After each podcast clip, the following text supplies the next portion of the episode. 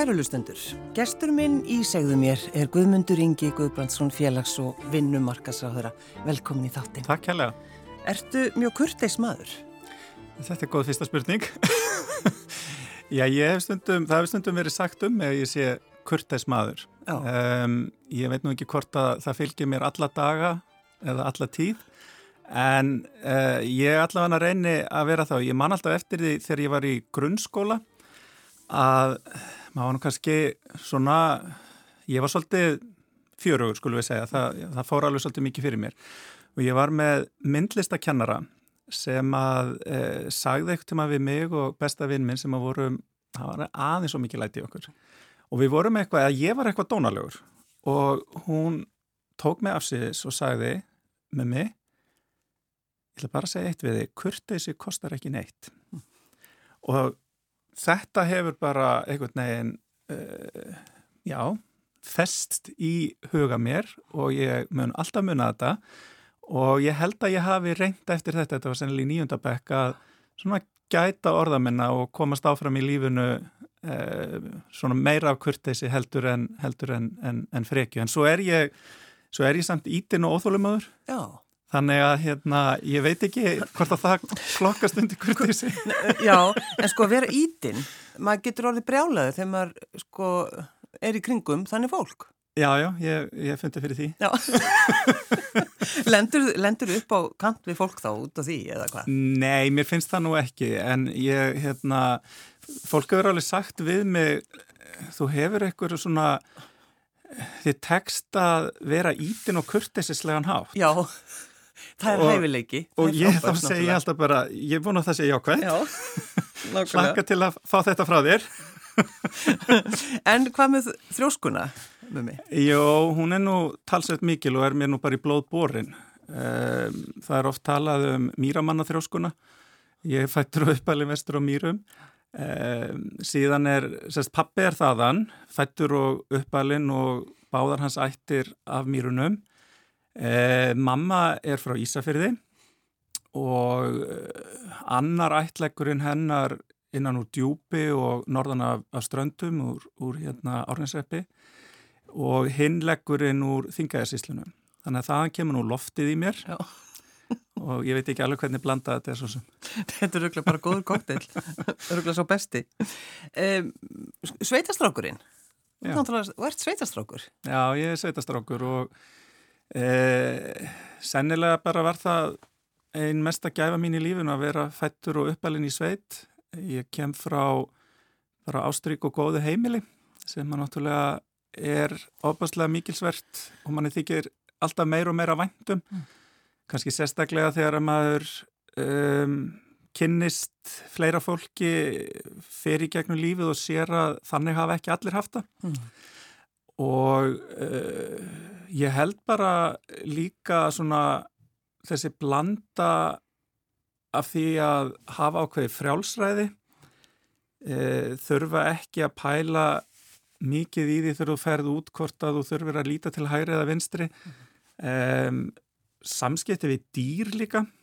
Þetta er alltaf eitthvað sem að maður býrað og svo býja því að, að heima var þetta þannig, það má kannski segja að ég nái aðeins í endan á svona stórfjölskyldu stemningunni. Mm. vegna þess að það var tíbíli heima og, og er og mamma og pappi og við bræðirni tveir byggum á öðrum bænum og hinnum bænum amma mín og föðubróðir og afi minn dó árið áður en að ég fættist þannig að ég elst upp náttúrulega líka á hinnum bænum. Maður var alltaf hjá ömmu og, og, og með Gustaf Frænda eh, til japs við bara sína fóreldra og, og svona eigin kjarnafjölskyldu en það sem að maður uppliði var að sko heimilið hjá ömmu var nokkuð skona félagsmiðstu mm. uh, eh, aðlásumrin þó vegna þess að fyrstulega átt hún áttabörn og það voru alltaf ykkur barnabörn í sveit uh, hún átti uh, tíu sískinni eða svo Jesus. þannig að þörn þeirra. Voru einhver í sveit líka. Sískinin kom í heimsókn og sumrin sískinni uh, afa. Og síðan brottfluttir sveitungar sem að voru líka að koma í heimsóknir. Já, auðvitað það skipti ekki málum, bara bæta við. Já, já, já, og e, þetta var fyrir mig bara svo mikið æfintýri og ég hafði óskaplega gaman að ég setjast niður með fullorna fólkinu og þykjast verið að dunda mér eitthvað en var bara að hlusta á hvað það var, var að segja. Það verið meira áhuga á því heldur en að leika við? Já, eiginlega. Já, skríti bann, já. Segðu það bara. Þú, nei, þú sagði það. Já, ég segði það. Eh, Þannig hafði ég næga þólið með þess að. Já. Eh, nei, nei, en, en hérna þetta þótti mér mjög gaman og, og ég lærði meðal annars að leggja kapla af ömmu minni mm. og spila og smitaðist af ástriðu hennar fyrir uh, ættfræði. Þannig að 9-10 ára gammal þá lág ég í borgfiskum æfiskrám og það var svo erfitt vegna þess að þær náðu bara frá A til O eða eitthvað svo leiðs, það var ekki búið að gefa út setnir hluta stafrásins og þegar þú varst að reyna að rekja ættir þínar aftur á bakk og lendir á S-i eða þotni þá vart alltaf bara Aah! Nú kennst ég ekki lengra Nei. en svo var það þannig þegar ég var fyrir að leiða saman ættir okkar eða ömmu og einhverja uh, í sveitinni sem að hafðu verið strínispúkar hennar í ganlandaga þá sagðan, já ég held þetta sé bara að verða gott til að vera þessi ættfræði áhugi góði minn. Ertu ennþá, hefur ennþá svona áhuga á ættfræði? Já, en hann hefur nú minkað mikið en það verða kannski svolítið mikla ríkur hjá mér. þetta er náttúrulega ótrúlegt. En það sem náttúrulega gerist að, að, krakkar þurfa að fara í, í, í skóla og það er heimastaskólinn. Já. Já, og um, ég held að ég verða að segja alveg svo er, sko ég var sérst á Varmalandi í Borgafyrði og allir, öll sveitafjölun í Mýrasísla þeim tíma fyrir utan Borganes mm. uh, sóttu Varmalandskóla og við sem að vorum á Mýrunum erum náttúrulega vestan við Borganes þannig að við kerðum fram hjá Borganesi á leiðinu upp á Varmaland. En svona var þetta og uh, þetta byrjaði þannig að maður var tvo dag í mánuði þegar maður var sex ára og svo var maður viku í mánuði þegar maður var sjö ára, tvær vikur, átt ára og svo var þetta orðið þannig að maður var bara allan veiturinn. Um, og þetta leggst rosalega misjaflega í börn á þessum aldri. Um, þannig að sum áttu bara auðvelt með þetta en önnur áttu erfitt með þetta, áttu erfitt með að vera að heimann og ég var uh, eitt af þeim börnum uh, átti erfitt með bara vera í rauninni svona í burtu frá fóröldrum mínum og, og heimili. Ég vil taka það skýrt fram að kennaratnir og, og þau sem að sáu um okkur gerðu það að stakri príði. Ég er ekki að, að hérna, gaggrina þau en uh, kannski er maður að gaggrina fyrirkomulegið. Já. Eh, þetta var bara aðeins svo mikið fyrir sum okkar. En þú sko, ert ekki tí ára? Já, ég byrja sex ára sko. Já, ég minna. Og svo þegar maður er orðin tí ára þá er maður í rauninni allan veturinn en maður kemur heim um helgar. Og ég var bara einn af þeim sem að grét mikið í skólanum og við kölluðum þetta að láta sér leiðast, manni leittist. Eh, þetta var alltaf bara heimþrá og, og hérna vanlíðan. Mm. En Já, ég, þegar ég var tí ára, þú nefnir þann aldur að ég mani þetta svo kristaltært að ég fæ að fara fram á klósett í kjenslustund og ástæðin fyrir því var að ég var bara alveg frá að beigja af. Og ég fyrir inn á klósett og það kemur einhvern veginn bara yfir mig og þetta bara, ég geti þetta ekki lengur, ég get ekki haft þetta svona.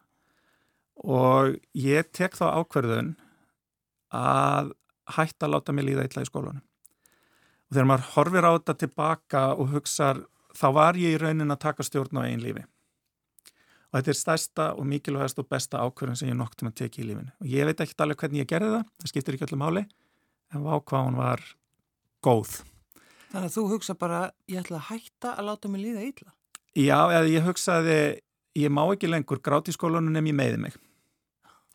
Um, ég átti ekki við það að mér væri stríkt eða eitthvað svolítið sem ég gekk vel í skóla og ég átti alveg vini en ég fann alveg að, að eðlilega þá uh, þú veist fjarlægast er mann þegar manni líður alltaf illa. Það er ekki, það er ekki félagskapur sem þú kannski leitar í með fólki sem að líður illa. Og ég hugsaði bara ég þarf að taka mig á og mér tókst þetta ég samt tek fram að ég bæði handlisbrotnaði og fótbrotnaði þarna uh, næstu tvö árin og þá grét ég. Já, Já. En halda því til halda haga. því til haga. En þetta var rosalega erfitt fyrst en svo bara kom þetta og um, já, ég held að þetta sé mesta afreik lífsmís, bara svo ég segi það því mér fór að líða uh, vel á eftir og í framhaldinu. Og þetta var þannig að þegar ég var komin upp í nýjöndabekk og þá átti að vera að leggja heimavistina af þá var ég einn af þeim sem að var í forsvari fyrir því að við fengjum að klára heimavistina í nýjönda og tíundabekk og okkur tókst að koma því í gegnum uh, hérna, skólastjórnina og, og, og uh, já, mentabættir, ég er Ítinn. já, þetta byrjaði kom- snemma. Þetta kom það. Um, þegar þú ferði í húsmaðuraskólan, alltaf, alltaf þegar að kallmenn fara í húsmaðuraskólan, þá, þá fer maður alltaf að tala um það. Kannski á maður að fara að hætta því, ég veit það ekki. Já, það er kannski bara góði punktur. Um, ég var nú samt, við vorum tveir á því ári sem ég var og við vorum nummið tvö og þrjú sem að vorum í hús, hússtjórnarskólanum í Reykjavík. En hvað varstu, kunnur ekki neitt eða?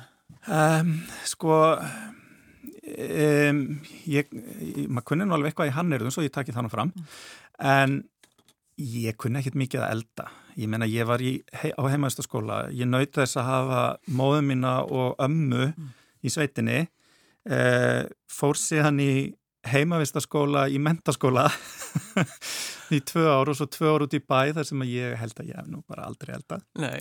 En mér leið svolítið svona, heyrði, ég þarf eitthvað svona, ég þarf eitthvað kjarna, hérna áður en ég fer út í lífið, eitthvað undirbúning og það skal vera húsmæraskóli. Átti ekki langt að sækja því mamma mín enn nú uh, vefnaðakennari sem var í nýju ár við hússtjórnarskólan á Varmalandi og þar var skólastjóri fjöld, til fjölda ára Steinun Ingimundadóttir heitinn sem að uh, ég kallaði alltaf ömmu.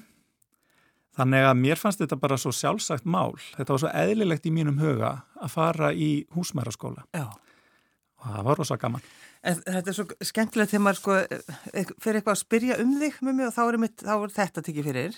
Já, Um, þetta sko að, að er þekkja aldrei söng- neitt nýtt. Aldrei, aldrei neitt nýtt, alveg, ég veit ekki af hverju böðringa. Nei. Þekkja söðfjö. Mm. Já, já, ég var svona sem að kallast í sveitinni algjör rollukall. Já. en ætlaði þá ekki bara að verða fjárbóndi? Jú, jú, og sko málið er að, að hérna, föðubróði minn var með, með, með fjöð eða með kindurnar. Og um, pappi var sem sagt nauta og, og uh, svínabóndi. Uh, hafði verið með kýra áður og Gústi Frendi, hann var með, með, með kindurnar. Uh, og það var einhvern veginn mér fannst það skemmtilegustu skemmnurnar Mm. og þetta voru bara, þú veist, þú veist 7-8 ára, þetta eru bara vinir þínir Já, já. og alltaf sko mikil ángist á haustin þegar það kom að það þurfti að fara að slátra gömlum hérna kindum og þá gerði ég alltaf samning við frænda minn um að þær sem að voru sérstakar vinkunum mínar þær myndi ekki enda í pottunum hjá honum og ekki í pottunum hjá mamma og pappa. Já. Þær eru það að fara eitthvað annað. Já. Og svo veit ég náttúrulega ekkert hvort að hann stóð við það eða ekki en ég vil þó meina hann hafi gert það. Auðvitað hefur hann gert það.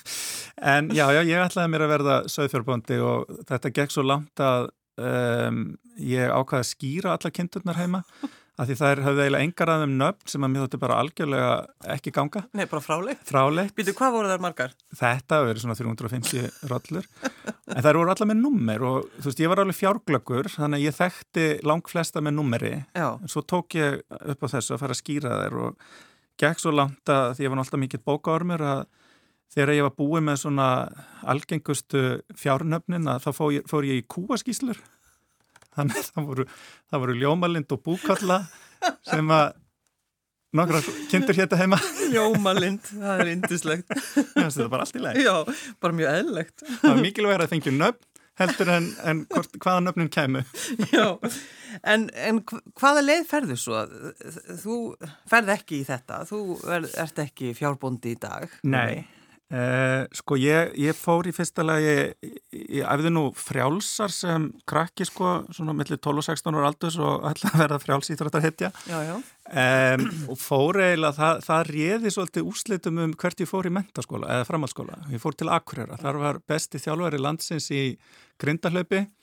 Ég mætti sérst á eina æfingu, fannst orðnar heldur háar aðeins að færi stílinn hérna.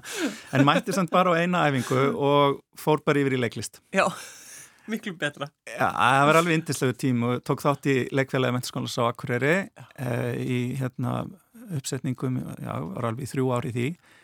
Og eftir það fer ég semst í húsmæraskólan og uh, síðan tekið mér svolítið frí í halvt ár og fer til Þýskaland, stvaldi þar í klaustri í hérna þrjá mánuði. Mm. Og fer síðan og læri líffræði við Háskóla Íslands og í framhalduna því fer ég til Bandaríkjana og læri umhverfisfræði. Mm. Ef ekki eins var tilbaka, verðum að tala þessum klaustrið. Já. Akkur fórstu þangað? Um, Þegar ég las vefaran mikla frá Kasmír í mentaskóla, þá hugsaði ég þetta verði ég að gera. Já, það er bara ekkit annað en það. Nei, og við vorum nú, uh, vorum nú alveg fleiri sem að heitluðum staðis sko, mm. og langaði að gera eitthvað svona, en ég ætla að hann að gera þetta.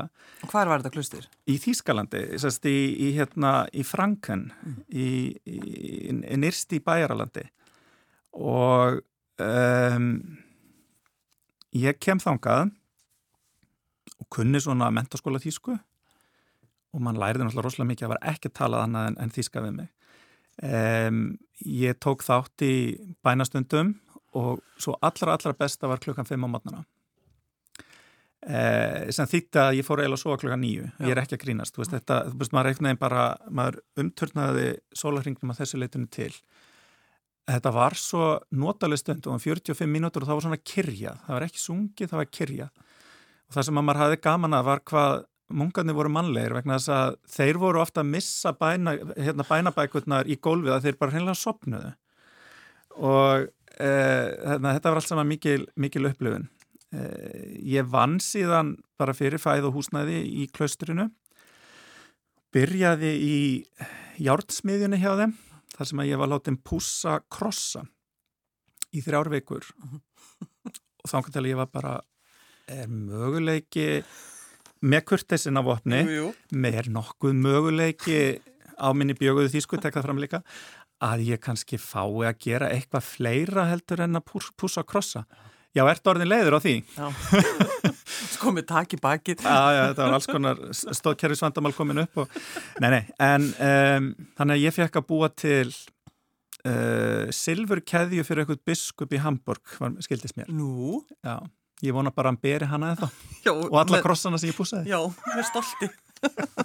En, en sko, varstu, varstu eitthvað leitandi, þú veist? Já, já, þetta, já. Þetta, það má náttúrulega ekki miskilja að ég hafi ferið í, í munkaklaustur verandi, nei, nei. þú veist, samkynnuðu maður en, en hérna, ég kom nú út úr skapnum mörgum árum senna. Já, já, já, já. Þú varst ekki komin þarna. Nei, nei, ég var leitandi í lífinu, algjörlega, já. og auðvitað var það sjálfsagt Uh, var maður líka að leita sjálfum sér hvað svona mína kynneið varðar en, en hérna uh, ég var fyrst og fremst bara leitandi eftir því hvað ég vildi gera í lífinu. Og ég hef alltaf verið svolítið alvarlegur. Þetta var svolítið alvarleg ákverðun hjá mér að fara þarna vegna þess að þarna ætlaði ég bara að finna út úr því hvernig lífið er. Og bara sá fyrir mér að ég færi svolítið aftur til miðalda, væri bara með svona lítinn klefa þar sem að ég myndi íhuga og komast að því hvernig, hérna, hver er tilgangu lífsins og hvað ætlaði mér í lífinu. Um, ekkert að þessu gekk eftir. Í fyrsta legi var ég ekki í litlum klefa og í öðru legi þá var þetta bara frekar svona nútímalegt allt saman. Um, klaustur er business og trúar, hérna, eh, trúastofnun sem að bara þarf að vera í, í, í hérna, með alls konar starf sem er til þess að geta haldið sér uppi. Mm og hins vegar þá held ég að mér hafi tekist að finna ákveðna hugará og það er eitt sem að sittur sérstaklega eftir að það er það sem að e, svona handleiðarinn menn þarna sagði mér og hann sagði við erum sagt, þessi, e, þetta er Benediktsarreglan við erum allt lífið að reyna að finna það jafnvægi innra með okkur að geta lifað í núinu.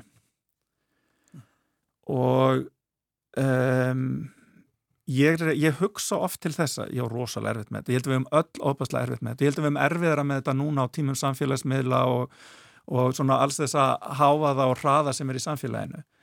En um, ég held þetta mér, mér finnst þessi lífsbyggi hún er eitthvað sem að sko er rosalega gott leiðaljós að hafa.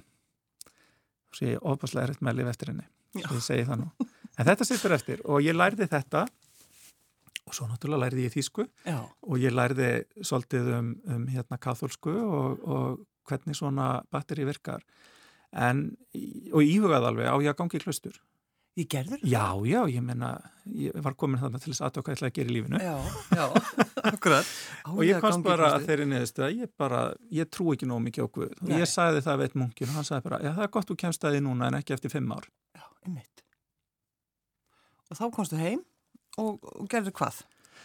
Já, þá kem ég heim og ennú reyndar að sinna búi föðubróðu minns í nokkra mánuði því að, að hann var bráðkvættur. Ljómalind þá. Já, já, já ljómalindum já, og búkallum hérna á Brúalandi, heima í sveitinni. Já, þannig að þú fer þegar hann deyr. Já, já. þannig að þá fór ég heim og, og hjálpaði til. Eh, síðan sko fer ég í líffræði í háskólanum um hausti. Já, en þegar þú sko ert að vinna fyrir landvend, Já Varstu þá alltaf svona, veist, það, var, það var svona baráta, eða ekki? Um Já, sko það sem að það sem að sást í fjölmilum Já. var sá, og, og er enn, mm -hmm. er sá hluti af starfsemi þessara ágætu umhverjus og náttúrundarsamtaka sem landund eru er sá hluti sem að snýst um þetta svona sterka aðhaldu stjórnvöld, sérstaklega í náttúruvendamálum Um, bara laung saga því að, að berjast gegn mörgum stórvirkjunum mm.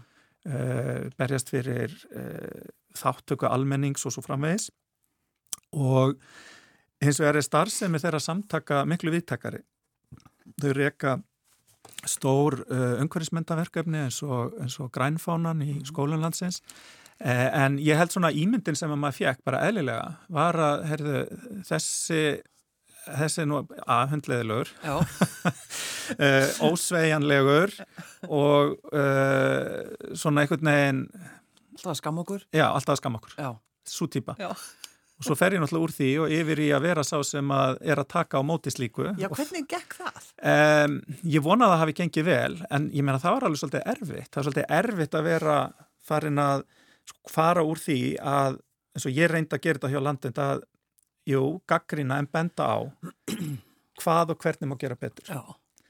Að um, þá er það náttúrulega ákveðin áskorun að vera í, í því starfi að taka á mótislíku og, og uh, vinna úr því og sko þú tjáir þig ekki á sama máta. Þú berð ábyrð sem ráð þeirra og um, þú einhvern veginn um, já og ég tek það þá ábyrð mjög alvarlega. Já að reyna að, að, en auðvitað var ég í umhverfisræðunitin að vinna sko þeim málum sem að ég hafi verið að benda á sem frangatastjóri landvendar. Já, já, en þegar þú kannski þurftir sko, þú varst að hlusta á því með mig sko svara einhvernum frá landvend og, og, þú veist, hugsaður stundum, vá, ég er á svo skrítum stað Já.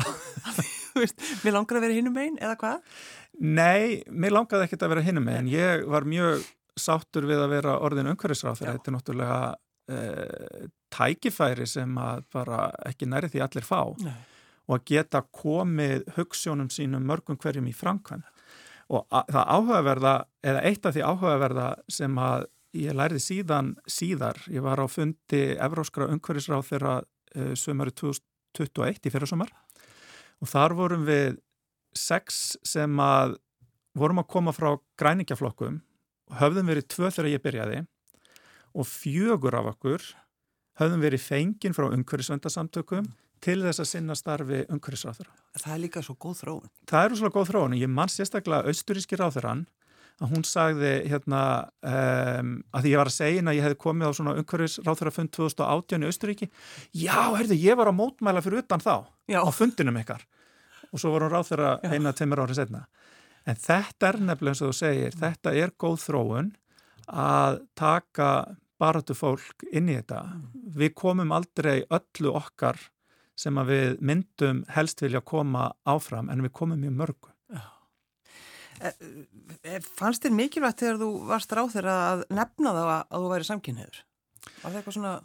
Um, mér finnst mikilvægt að fólk sem að um, spyr sjálfs í spurninga um kynhegsina að það sjáu eh, hins eginn fólk í öllum mögulegum stöðum í samfélaginu. Mm -hmm. Þar með tali sem ráþeira eða alþingismenn, verkamenn, íþróttamann, uh, skrifstofu, mannesku í fyrirtæki, ráðunæti eða hvaða það er. Ah, Vegna þess að þetta á að vera eðlilegt og við höfum náð mjög miklum árangri í málefnum hinsæginfól sem við erum hverginari komin á enda og til dæmis eru miklu fordómar og ofbeldi gagvart transfólki enn þann dag í dag um, sem að eh, er algjörlega ólíðandi.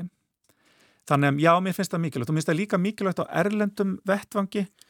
Um, þú veist, þú kemur á einhverju fundi auðvitað þegar þú ert umhverfisráð þegar þá er þetta kannski ekki það sem þú ert mest að tala um. Nei, nei. en maður getur oft í samtölum og á fundum komið hlutum að um, eins og ég mann til dæmis bara í samstarfi og norðurslóðasamstarfi þar sem að þú ert með Rúsland, þú ert með Bandaríkin, þú ert með Kanada og Norðurlöndin að þar vorum við með prógram meðal annars sem var svona samfélagslegt og tók meðal annars á uh, hins einmálum þá getur þú komið í að og þá getur þú sagt í staðin fyrir að segja hérna Íslenska ríkistjórnin leggur mikla áhersla málefni hins einfóls þá getur þú sagt Íslenska ríkistjórnin leggur mikla áherslu á málefni okkar sem er um hins einn. Skilur hvað ég er að menna? Þannig að þú getur alltaf komið þessu að og ég menna, ég nýtti mér stöðu mína sem ráð þeirra hér á Íslandi þegar að Lavrov auðvaríkisráð uh, þeirra bandaríkjana kom og ég satt fund með honum. Ég var með grímu, þetta var í fyrra, mm. sem að var í regnbóðalitunum. Þetta eru skilaboð og, og uh, ótrúlega sterk. Já, ég held að þú séu það og þau eru mikilvægt vegna þess að sko þetta eru grundvallar mannréttindi sem að við mögum aldrei hægt að berjast fyrir. Við verum að sjá í löndunum í kringum okkur að það hefur orðið bakslag og líka í, í hérna, ég ætla að fá að kalla það frelsismál kvenna, kvennfrelsismál mm -hmm. sem að snýra að, að meðal annars þungunarofi og ímsu fleiru. Þannig að hérna, þetta er mér mikilvægt Ég, ég, sko, ég velti mér ekki upprúðsu að ég sé hérna, samkynniður á þeirra Nei. en ég er samt fyrsti kallkynns ofinberlega samkynniður á þeirra og uh, rétt eins og Jóhanna okkar Siguradóttir var fyrsti fósætisráð þeirra og fyrsta konan já, já. Hvað var fólkið að tissa þegar þú komst út úr þessum blessaða skáp? Já, þetta var nú, þetta er nú svona ágætt saga sko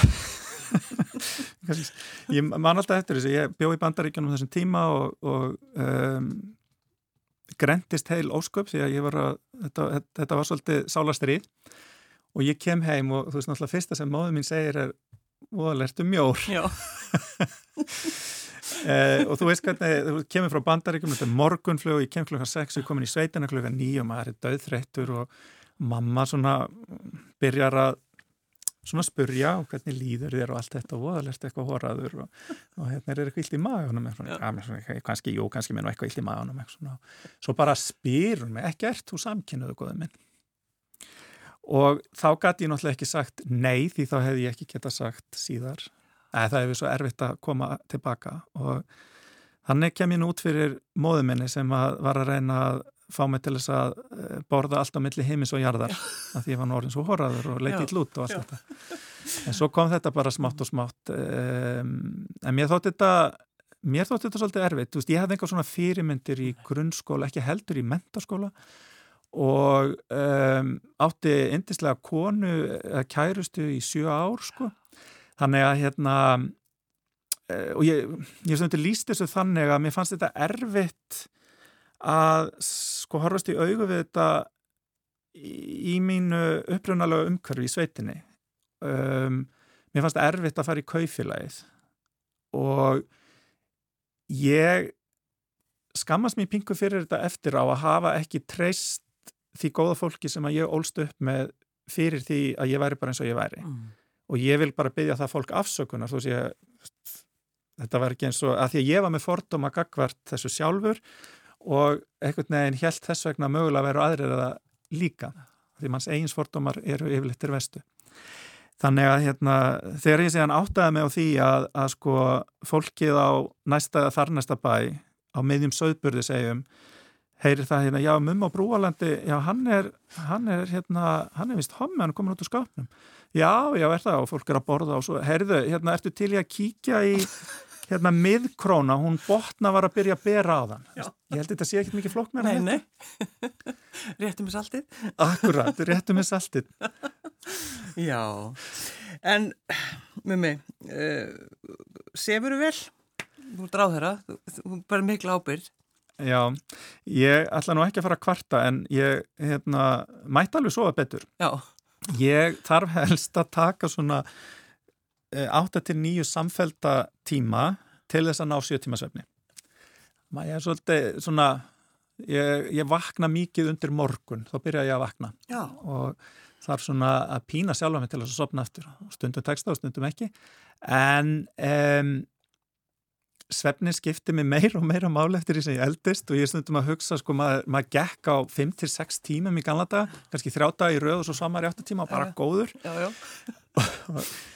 Um, þetta, þetta er það erfiðasta sem að mér finnst við það að, að rjúfa fertugsmúrin sem Já. að ég uh, gerði fyrir nokkrum árum. En er það þannig sko að, að þegar þú vaknar á mótnana, ertu alveg, já, ég er ráð þeirra. En mér finnst nú best þegar ég vakna á mótnan og man ekki eftir því. Já, Það færi svona smá kvílt á, fyrir ábyrðinni, eða kakvart ábyrðinni. það er svolítið gott, svoli. Nei, já, já, já, ég er ráð þeirra. Já, best að fara á fætur. Nei. Bæst að fara á fætur stjórna, stjórna landinu. Eh, Félags- og vinnumarkasáður, ertu ánæðið með þetta? Já, ég er óskaplánaður og mér finnst auðvitað, ég menna, ég hef alla mína hunds- og kattatíð haft gríðarlegan áhuga á umhverfis- og náttúrundamálum og minn starfsferill hefur verið á því sviði bæði í hópumburum stopnunum og félagsamt, félagsamtökum og svo sem, sem ráþeira. Um, en e, bara líkt og ég var að lýsa hérna áðan með mannréttindamál og mannréttindamál þau ná til þeirra sem að, e, til okkar all, allra sjálfsögðu, en ekki síst til þeirra sem að e, kannski lökustum fæti standa í samfélaginu. E, hvort sem að það er fólk sem að er með skerta starfsgetu e, vegna líkamlegra eða andlegra e, ástæðina eða vegna þess einfallega hver upprunni þeirra er.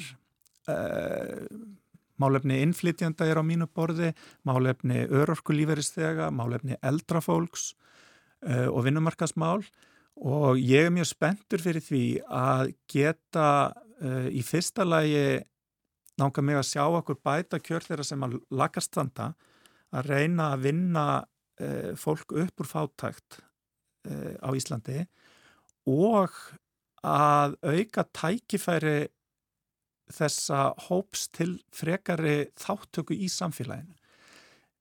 Vegna þess að þar með fá, fær fólk uh, bæði meiri tilgang með lífinu, það verður virkari þáttakandi og gefur meira afsitt til samfélagsins, bæði sko í rauninni efnahagslega en líka félagslega og samfélagslega. Og það bara horfir á vinnustad sem að e, er með fjölbreytni í, í, hérna, í mannauð um, að þá sína nú í fyrsta legi rannsóknir að slíkir vinnustadir e, þeir eru nú ofta tíðum sko bara með betri hérna, afkomu. En bæði fólkinu sem að fær tækifæri til þess að vinna þar sem að áður hefur ekki haft slík tækifæri og fólkinu sem að vinnur þar fyrir það eigur skilning begja hópa og það verður meiri blöndun. Og þetta verður, við verðum öll meiri þáttakendur í samfélagunum. Ég held að það sé stóra, stóra verkefni að veita og gefa fólki slík tækifæri.